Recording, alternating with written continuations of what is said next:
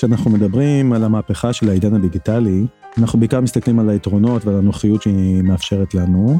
הכל יותר מהיר, נגיש, לכאורה בחינם, אבל האם אנחנו באמת מקבלים את הדברים בחינם?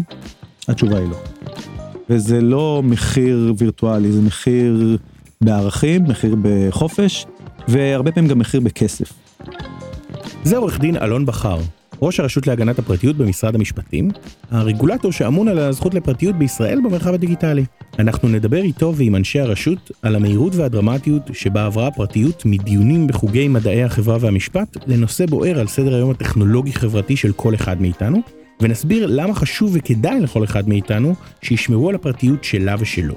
אני עידו קינן, אתם מאזינים לפרק הבכורה של הסכת, פודקאסט חדש מבית הרשות להגנת הפרטיות. בפרק נדבר על שעוני כושר, אפליקציות בריאות וחפיצים לבישים, על האינטרנט של הדברים והמכשירים החכמים שאנחנו מכניסים אלינו הביתה. הפיתוחים הטכנולוגיים האלו ואחרים עלולים לפגוע בפרטיות של כולנו, חלקם כבר עושים זאת. וגם, מה קורה לפרטיות שלנו בעיר החכמה והמחוברת? הישארו עמנו. פרטיות העתיד. הפודקאסט החדש של הרשות להגנת הפרטיות במשרד המשפטים. תחילתה של המהפכה הזו שאנחנו חלק ממנה, אה, שהיום היא נראית כבר כמו איזה משהו שהיה מאוד מזמן, היא לא מאוד ותיקה. זה בסך הכל הייתה אפשרות של כל אחד מאיתנו להתחבר לאינטרנט, בהתחלה במחשבים אישיים או מחשבים יותר מתוחכמים מאלה, והמשיכה בטלפונים סלולריים שהפכו מהר מאוד לטלפונים חכמים שהם בעצמם מחשבים. יש לנו אפליקציות שאנחנו משתמשים בהם, יש לנו חפצים שמחוברים לאינטרנט, אנחנו לובשים דברים שמחוברים לאינטרנט. בכל דבר שאנחנו כמעט משתמשים יש היום חיבור. בעצם בכל מקום ובכל עת אנחנו משדרים, מקבלים, חולקים הרבה מאוד מהמידע שלנו בין במודע ובין לא במודע. אז היום כבר ידוע שהאינטרנט הוא לא מקום פרטי. אנחנו מדברים עם עורך דין הילה כהן, עוזרת משפטית בכירה לראש הרשות. ובעצם עם כל קליק על העכבר אנחנו משאירים עקבות שלנו. כשאנחנו הולכים גם רק עם הטלפון בכיס, אנחנו משאירים עקבות במרחב הדיגיטלי. זה בעצם המידע האישי שלנו.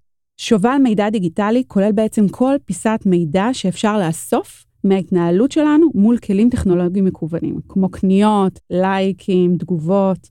בעצם כל הרגלי הגלישה שלנו, השימוש באפליקציות, המועדים, המקומות שבהם אנחנו מבצעים פעולות שונות, האנשים שאיתם אנחנו מדברים, כל הדברים האלה. אבל לא כולם משתפים את אה, חיים ברשת כל הזמן. אני אישית מכיר אנשים שאין להם פייסבוק ואפילו כאלו בלי טלפון סלולרי, אם כי אני מודה שאני לא יכול לתקשר איתם הרבה. נכון, אבל כדי להיות מפולח היטב על ידי כל החברות שבעצם מתמחות בכך, אנחנו לא חייבים להיות אנשים שחיים ברשתות החברתיות. מידע רב יכול להיאסף על כל גולש, גם אם הוא נחשב לפסיבי. גולש פסיבי זה יכול להיות בעצם גולש שמנותח על ידי היסטוריית הגלישה שלו. חיפושים שהוא ערך, רכישות שהוא ביצע, הסקת מסקנות לגבי תכונות אישיות שלו באמצעות אלגוריתמים שמתמחים בדיוק לשם כך. איך זה משפיע על החיים שלנו? וואו. מפרסמים בעצם בזירה הדיגיטלית מבינים שפרסום מותאם אישית מביא לתוצאות הרבה יותר טובות. בעצם אפשר למקסם את המחיר לכל קונה פוטנציאלי בנפרד באמצעות אלגוריתם שמנתח בדיוק את מצבו הכלכלי ולפי נתוני הגלישה שלו ושימושים אחרים שהוא עושה במרחב הדיגיטלי. אבל זה לא רק מתבטא בכסף. היקפי המידע שחברות אוספות עלינו עצומים כל כך, שבעצם זה משפיע על ממשלים ועל דמוקרטיות בכל העולם. מעולם לא היה כוחן של חברות מסחריות רב כל כך. ענקיות המידע עברו להפצת תכנים ממוקדים שמושתתים על פרופילים פסיכולוגיים, וכפי שנוכחנו לדעת בשנה האחרונה בפרשת קיימברידג' אנליטיקה ואחרות, ענקיות אלה משמשות לעתים כלי להצפת הרשת בחדשות מזויפות. ביצוע מניפולציות פוליטיות, הטיית דעות ושינויים תפיסתיים. מדובר בכוח עצום שלא בטוח שהכרנו עד כה. רבים מאיתנו מסכימים לשלם את המחיר הזה של החיים המחוברים. חלקנו אפילו לא רואים שום בעיה עם זה. הטענה שלא אכפת לך מהזכות לפרטיות כי אין לך מה להסתיר, איננה שונה מהטענה כי לא אכפת לך מחופש הביטוי כי אין לך מה להגיד. הדובר הוא אדוארד סנודן, שוויתר על החירות שלו כדי להזהיר את העולם מפני הפגיעה בפרטיות של כולנו. הפגיעה הזאת מתבצעת באמצעות כלים טכנולוגיים להאזנה, לאיסוף, לניתוח ולאחסון של התקשורת הדיגיטלית שלנו. אלון בכר. אז יש כאלה שיגידו שאם אתה לא אדם רע או לא עשית שום דבר רע, אז אין לך בעצם שום סיבה להסתיר את המידע שלך. ואם אתם מאזינים לנו עכשיו וחושבים שאתם לא אנשים רעים ולכן אין לכם מה להסתיר, אנא שילחו לנו את הסיסמאות לחשבונות האימייל והרשתות החברתיות שלכם. ולעוד כמה דברים שאם נשאל, אנשים בשום פנים ואופן לא יסכימו לשתף אותנו. וזה בדיוק העניין. פרטיות, בוודאי בעידן הזה המחובר, זה לאנשים טובים. אנשים רעים יודעים להגן על עצמם, אנשים רעים עושים שימושים בכלים כדי לא להיחשף. האנשים הטובים הם אלה שצריכים את הפרטיות, והם צריכים את ההגנה על הפרטיות. לכולנו יש את הסודות שלנו, סודות לגיטימיים, לא סודות פליליים. לכולנו יש את הרצון לחלוק דברים מסוימים עם אנשים מסוימים ולא לחלוק שום דבר עם אף אחד. ובמובן הזה, עצם העובדה שאנחנו מפרסמים ומשתפים ויודעים על חלק מהדברים שאנחנו חולקים עם העולם, זה לא הופך את העניין הזה לעניין שהוא אה, נחלת הכלל וכללי, אלא יש דברים שאנחנו רוצים ויכולים לשתף, ויש דברים שלא, וכל דבר אחר שעוקב אחרינו, מסתכל עלינו, שופט אותנו, הופך אותנו לאנשים אחרים, מחבל לנו באיכות החיים, ואפילו מסכן אותנו בהרבה מובנים, ואני מניח שנדבר על זה בהמשך. הבעיה היא שבעידן הנוכחי, גם כשאנחנו חושבים שאנחנו לא חולקים מידע, או נמצאים במקום פרטי, זה לא תמיד נכון. מה התמצית של הזכות אה, לפרטיות בישראל? אה, עורך דין גילי בסמן ריינגולד, היועצת המשפטית של הרשות, מפרטת. בתמצית אנחנו מדברים על שלושה עקרונות יסודיים. הראשון זה הסכמה. אדם צריך לדעת מה הולכים לעשות עם המידע שלו ולהסכים. העיקרון השני הוא שקיפות. צריך להגיד לנו אם אנחנו חייבים למסור את המידע הזה או לא, לאיזו מטרה עומדים להשתמש בו, לאיזה צדדים שלישיים מעבירים, אם בכלל. והעיקרון השלישי החשוב הוא צמידות המטרה. ברגע שאספתי מידע, מותר לי להשתמש בו רק למטרה שלשמה אספתי אותו. רבים מהחוקים בספר החוקים הישראלי נכתבו בימי קום המדינה, אה, לפני כן בימי המנדט הבריטי ואפילו מוקדם יותר בימי האימפריה העות'מאנית. שלא לדבר על עקרונות עתיקים מהמשפט העברי. נכון, הפרטיות לעומת זאת נכנסה לשם רק ב-1981 עם חוק הגנת הפרטיות, שקובע לא יפגע אדם בפרטיות של זולתו ללא הסכמתו. יותר מעשור בעצם עבר עד שהזכות לפרטיות קיבלה אה, מעמד אה, חוקתי, מעמד של חוק יסוד, כשבשנת 1992 עוגן העיקרון שכל אדם זכאי לפרטיותו או לצנעת חייו בחוק יסוד כבוד האדם וחירותו. עוד לא השתכנעתם? בואו נעבור מהתיאוריה לפרקטיקה. הנה כמה דרכים מפוקפקות לאסוף ולהשתמש לרעה במידע האישי שלכם, ועצות להתמודדות עם זה. פרטיות העתיד לבישי כושר ובריאות כמה צעדים צעדתם היום? עורך דין גילי בסמן ריינגולד. לבישי כושר, fitness wearables, הם מכשירים שמצוידים בסנסורים, חיישנים שונים, שנועדו לעקוב אחרי מדדי הגוף והכושר השונים שלנו, כמו דופק, לחץ דם, מסלולים, זמני אימון, תזונה ואפילו הרגלי שינה. המכשירים האלה אה, מתממשקים לאפליקציות, יישומונים, שאוגרים ומנתחים את המידע באופן רציף.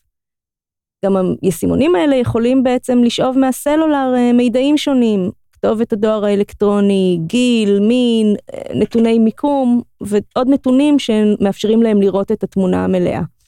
אז אפשר לשאול מה, מה הבעיה בכל זה. נוצר כאן פתח לשימוש לרעה במידע רגיש. זה יכול להיות על ידי היצרנים של uh, האפליקציות, או זה יכול להיות uh, על ידי גורמים חיצוניים שרכשו מהם את המידע הזה, או גרוע מזה, האקר או מישהו שבאמצעות דליפת מידע משתמש במידע גנוב. אפשר לחשוב על הרבה מאוד גורמים שיהיו מעוניינים במידע הזה.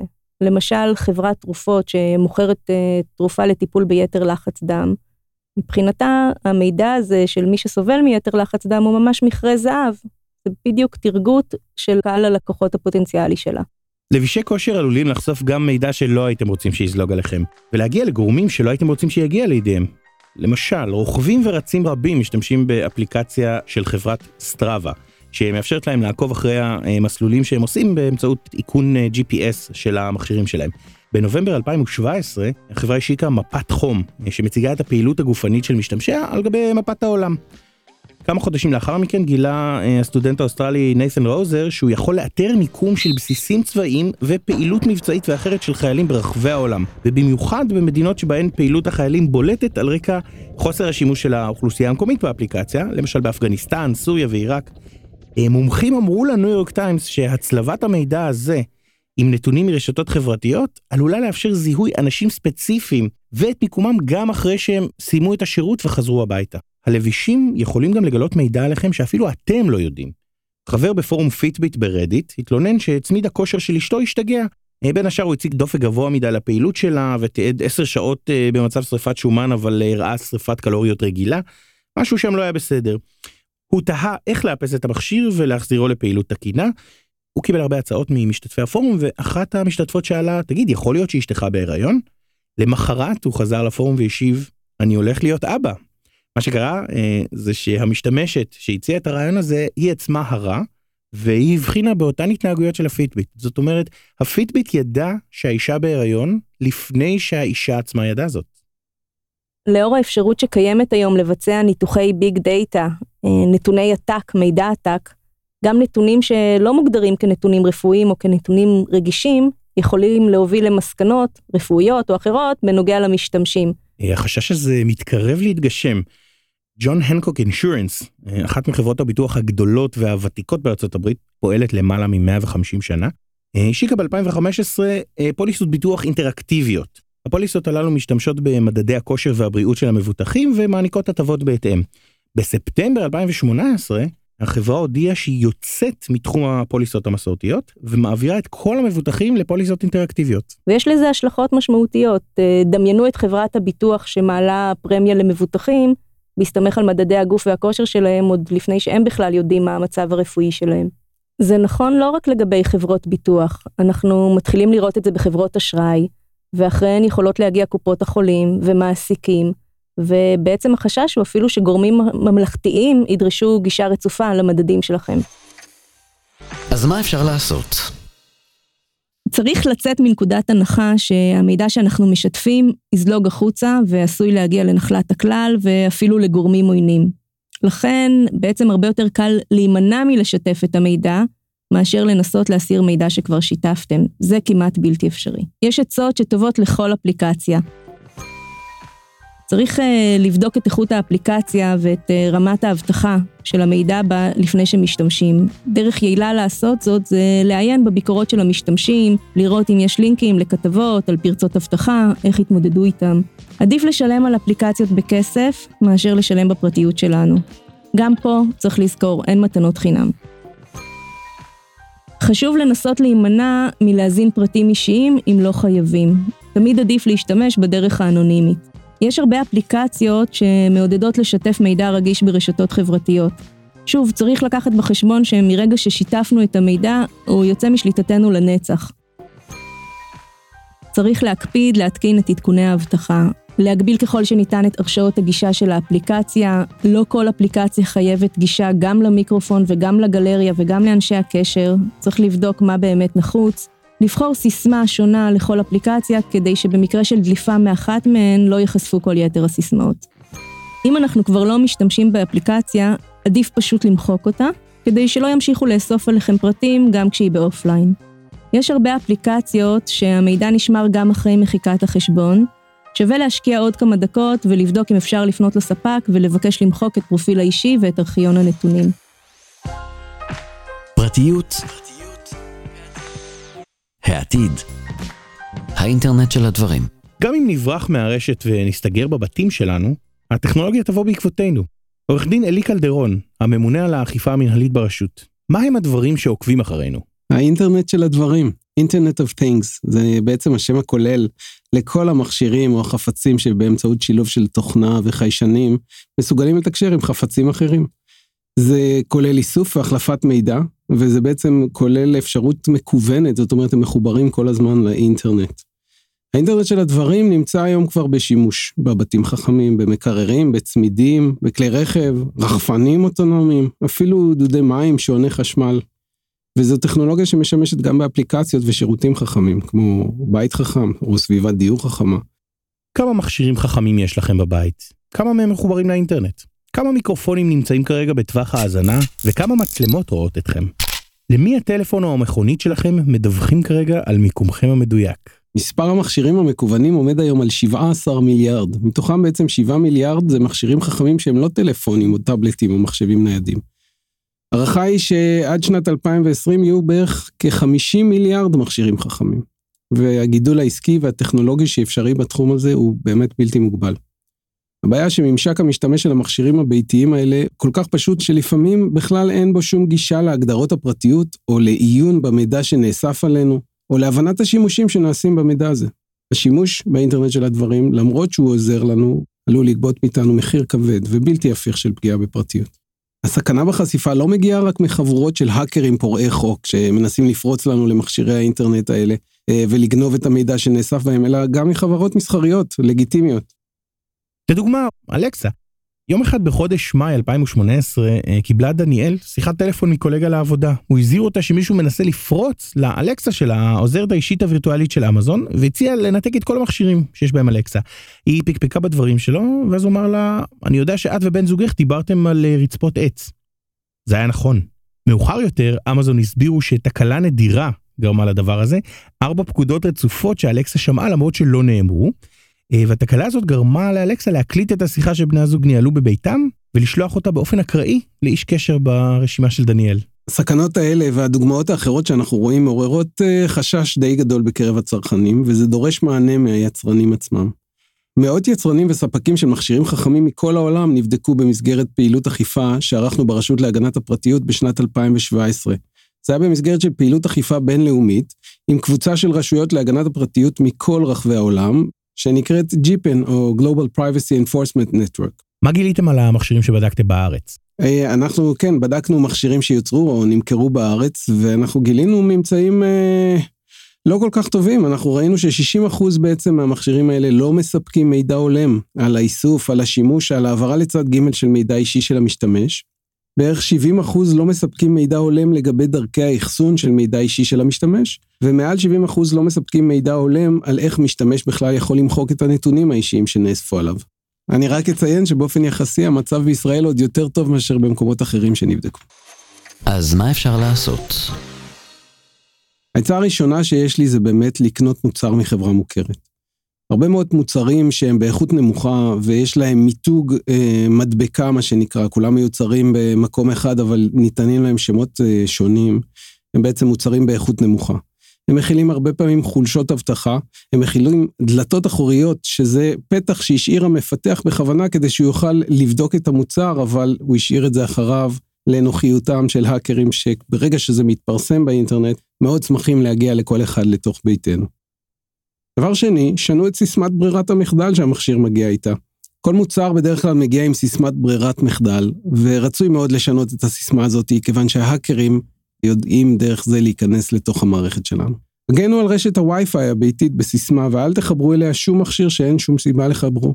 ומעבר לזה, עדכנו את גרסאות התוכנה של המוצרים שלכם באופן קבוע ובאופן תדיר, כדי לא להיות חשופים לפרצות שכבר התגלו בגרסאות הישנות.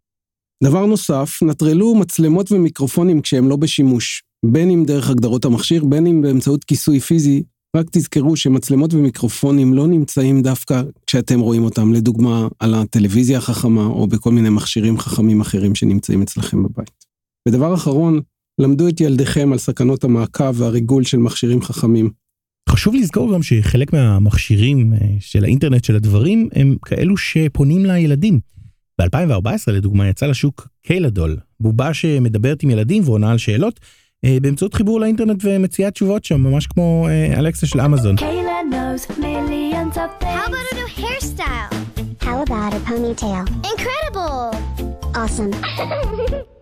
בתחילת 2017, הבונדס נצה גנטור, סוכנות הרשת הפדרלית הגרמנית, אסרה על מכירתה של הבובה ואפילו הורתה על הוצאתה מהחנויות מחשש שתשמש מתקן ריגול. הם אמרו בצדק ש... חפצים שיש בתוכם מצלמה או מיקרופון מוסתרים, עלולים לפגוע בפרטיות של אנשים על ידי הקלטה ושידור של שיחות שמתנהלות בקרבת הבובה. גם CloudPets הן אה, בובות מחוברות, אה, אבל לא חכמות במיוחד, הן מאפשרות להורים ולילדים לתקשר, ההורים מקליטים הודעה באפליקציה והילדים שומעים אותם דרך הבובה, אה, והילדים מקליטים הודעה דרך הבובה והיא מגיעה לאפליקציה אצל ההורים. בניגוד לחשש התיאורטי במקרה של קיילה, CloudPets ממש נפרצו. מומחה הסייבר אבטחה טרוי האנט חשף שהם שמרו את ההקלטות של הילדים וההורים במאגר מידע לא מאובטח, אה, ובהמשך האקרים אה, השתלטו על המאגר הזה באמצעות כופרה. אז אנחנו בעצם צריכים, מה, להזהיר את הילדים שלנו, להרחיק אותם מכל המכשירים, מה עושים? קודם כל אנחנו צריכים לדעת בעצמנו, אבל הילדים שלנו לא בהכרח יודעים, הם לא יודעים שהם מוקלטים או שהם מצולמים. הדרך היחידה בעצם היא אולי לדבר איתם ולחנך אותם, לחנך אותם לפרטיות, לתת להם להבין את הסכנות שכרוכות בכל מכשיר חכם, בכך שבעצם מישהו יכול להיות שכרגע מסתכל עליהם או עוקב אחריהם, ולהסביר להם שמכשירים כאלה לא צריכים להיות uh, במקומות אינטימיים, שמכשירים כאלה, גם אם הם בובות, גם אם הם uh, חמודות, יש להם משמעויות נוספות, ובסופו של דבר גם לנטר, לא נעים לומר, אבל לראות מה הם עושים עם הבובות האלה, איך הם משתמשים בהם ואיפה הם לוקחים אותם איתם. פרטיות. העתיד. ערים חכמות. ההערכה המקובלת היא שבעוד כעשור, 75% מאוכלוסיית העולם, כולל ישראל, תתגורר בערים. אלו יהיו ערים חכמות. תהליכי הדיגיטציה והטכנולוגיות החדשות בערים חכמות נועדו לייעל את ניהולה של העיר ומערכותיה ולשפר את איכות חיי התושבים. ההתעניינות בערים החכמות גוברת ורשויות רבות בארץ צועדות או מעוניינות לצעוד להטמעת טכנולוגיות חכמות. במסגרת תפקידו כמנהל מחלקת חדשנות ופיתוח מדיניות, עוז שנהב עוקב מקרוב אחרי ערי העתיד. בערים האלה מקיפים אותנו אין ספור חיישנים, הרמזורים, פחי האשפה, פנסי הרחוב ועד פארקים ציבוריים, שיסייעו לייעל דברים כמו פינוי אשפה, ניהול תחבורה, הגברת הביטחון האישי, חיסכון באנרגיה וכמובן עידוד תיירות. מה בעיית הפרטיות של הערים הללו? הערים החכמות אוגרות עלינו כמות עצומה של מידע אישי. המידע על מצב המשפחתי שלנו, מצב הרווחה שלנו, מצב החברתי שלנו, ותחשבו רגע כמה קל להקים ולייצר מכל דבר כזה פרופיל אישי. בעצם ניתן להצליב עלינו נתונים על בסיס מאגרי המידע של מחלקת הארנונה, של החינוך, ברשת הווי-פיי העירונית, חיישני זיהוי מקום, כרטיסי תושב, אפליקציות שונות שמפעילה הרשות המקומית. שלא לדבר על אין ספור מצלמות המותקנות ברחבי העיר, שיוצרות מנגנון של מעקב ציבורי תמידי. אנחנו משאירים מאחורינו שובל דיגיטלי. הבעיה היא שבניגוד לבנקים ובניגוד לקופות חולים ובניגוד לחברת הסלולר שלנו, את העיר לא פשוט לעזוב. ניתן לומר שבמובנים רבים אנחנו כמו לקוח שבוי, אין לנו אלטרנטיבה אחרת לקבל שירותים ציבוריים, אנחנו לא באמת יכולים להימנע מאיסוף המידע עלינו, ובפרט כאשר מדובר במידע שנאסף בתשתיות עירוניות חיוניות. בכך מתערער יסוד ההסכמה של התושבים לאיסוף מידע. אז מה אפשר לעשות? מה שצריך לעשות זה שבכל רשות מקומית, כבר בשלב התכנון ובניהול העיר וביצירת המיזמים הדיגיטליים, צריך לקחת בחשבון את פרטיות התושבים. תקנות אבטחת המידע שנכנסו לתוקף בשנת 2018 מחייבות את הרשויות ברמת אבטחה נאותה בהתאם להיקף המידע האישי שהן מחזיקות עלינו, ובהתאם לרגישות שלו. חשוב שנזכור שהפיכתם של הערים לחכמות נועדה לתרום לאיכות חיינו, לרווחה שלנו, לביטחון שלנו. שמירה על הפרטיות שלנו לא רק מתיישבת עם התכלית הזו, היא תנאי מהותי למימוש הבטחה זו. אלון בכר, אז כפי שכבר אמרנו, ההתפתחות הטכנולוגית שבאמת נעה בקצב מסחרר ולפעמים אפילו הולך וגדל, יש בה הרבה מאוד אלמנטים חשובים ומבורכים, ובסך הכל זה דבר שמשפר את איכות החיים שלנו ואת העולם. אבל מאוד מאוד חשוב, כמו בכל דבר טוב, לעשות בו שימוש חכם, ולדעת גם להציב לו מגבלות, וגם בעניינים הטכנולוגיים, תבונה ושמירה על הגבולות של שימושי הטכנולוגיה, זה משהו מאוד מאוד נכון וחשוב, כי בלעדיו לא יהיו לנו זכויות, אנחנו ניפגע גם כלכלית, אנחנו נהפוך להיות אנשים לא חופשיים, שאין להם אוטונומיה, ובעצם חשוב שנזכור כולנו שבלי פרטיות אין חברה חופשית. איך אתם מתמודדים עם האתגרים הללו כרגולטור ממשלתי? הכלי הכי מקובל ורגיל, אבל הוא לא בהכרח הכי חשוב, הוא בעצם פעילות אכיפה, גם מנהלית וגם פלילית, חוקרים עבירות, חוקרים הפרות, פועלים מול גופים שמנהלים מידע אישי באופן שיביא אותם לכך שהם ינהלו אותו בצורה חוקית ויעשו שימושים מותרים בלבד, ובאופן כללי שיהיה לטובת האנשים שמסרו את המידע ולא למטרות אחרות. בהקשר הזה אנחנו מנהלים חקירות ולפעמים חושפים דברים מאוד מאוד משמעותיים, כמו שימושים לרעה במידע רפואי הכי רגיש, או כמו שימושים במידע שאתה מוסר בכפייה לרשויות המדינה, כמו צבא, כמו ממשלה, ואחר כך מוצא את עצמו בידיים פרטיות.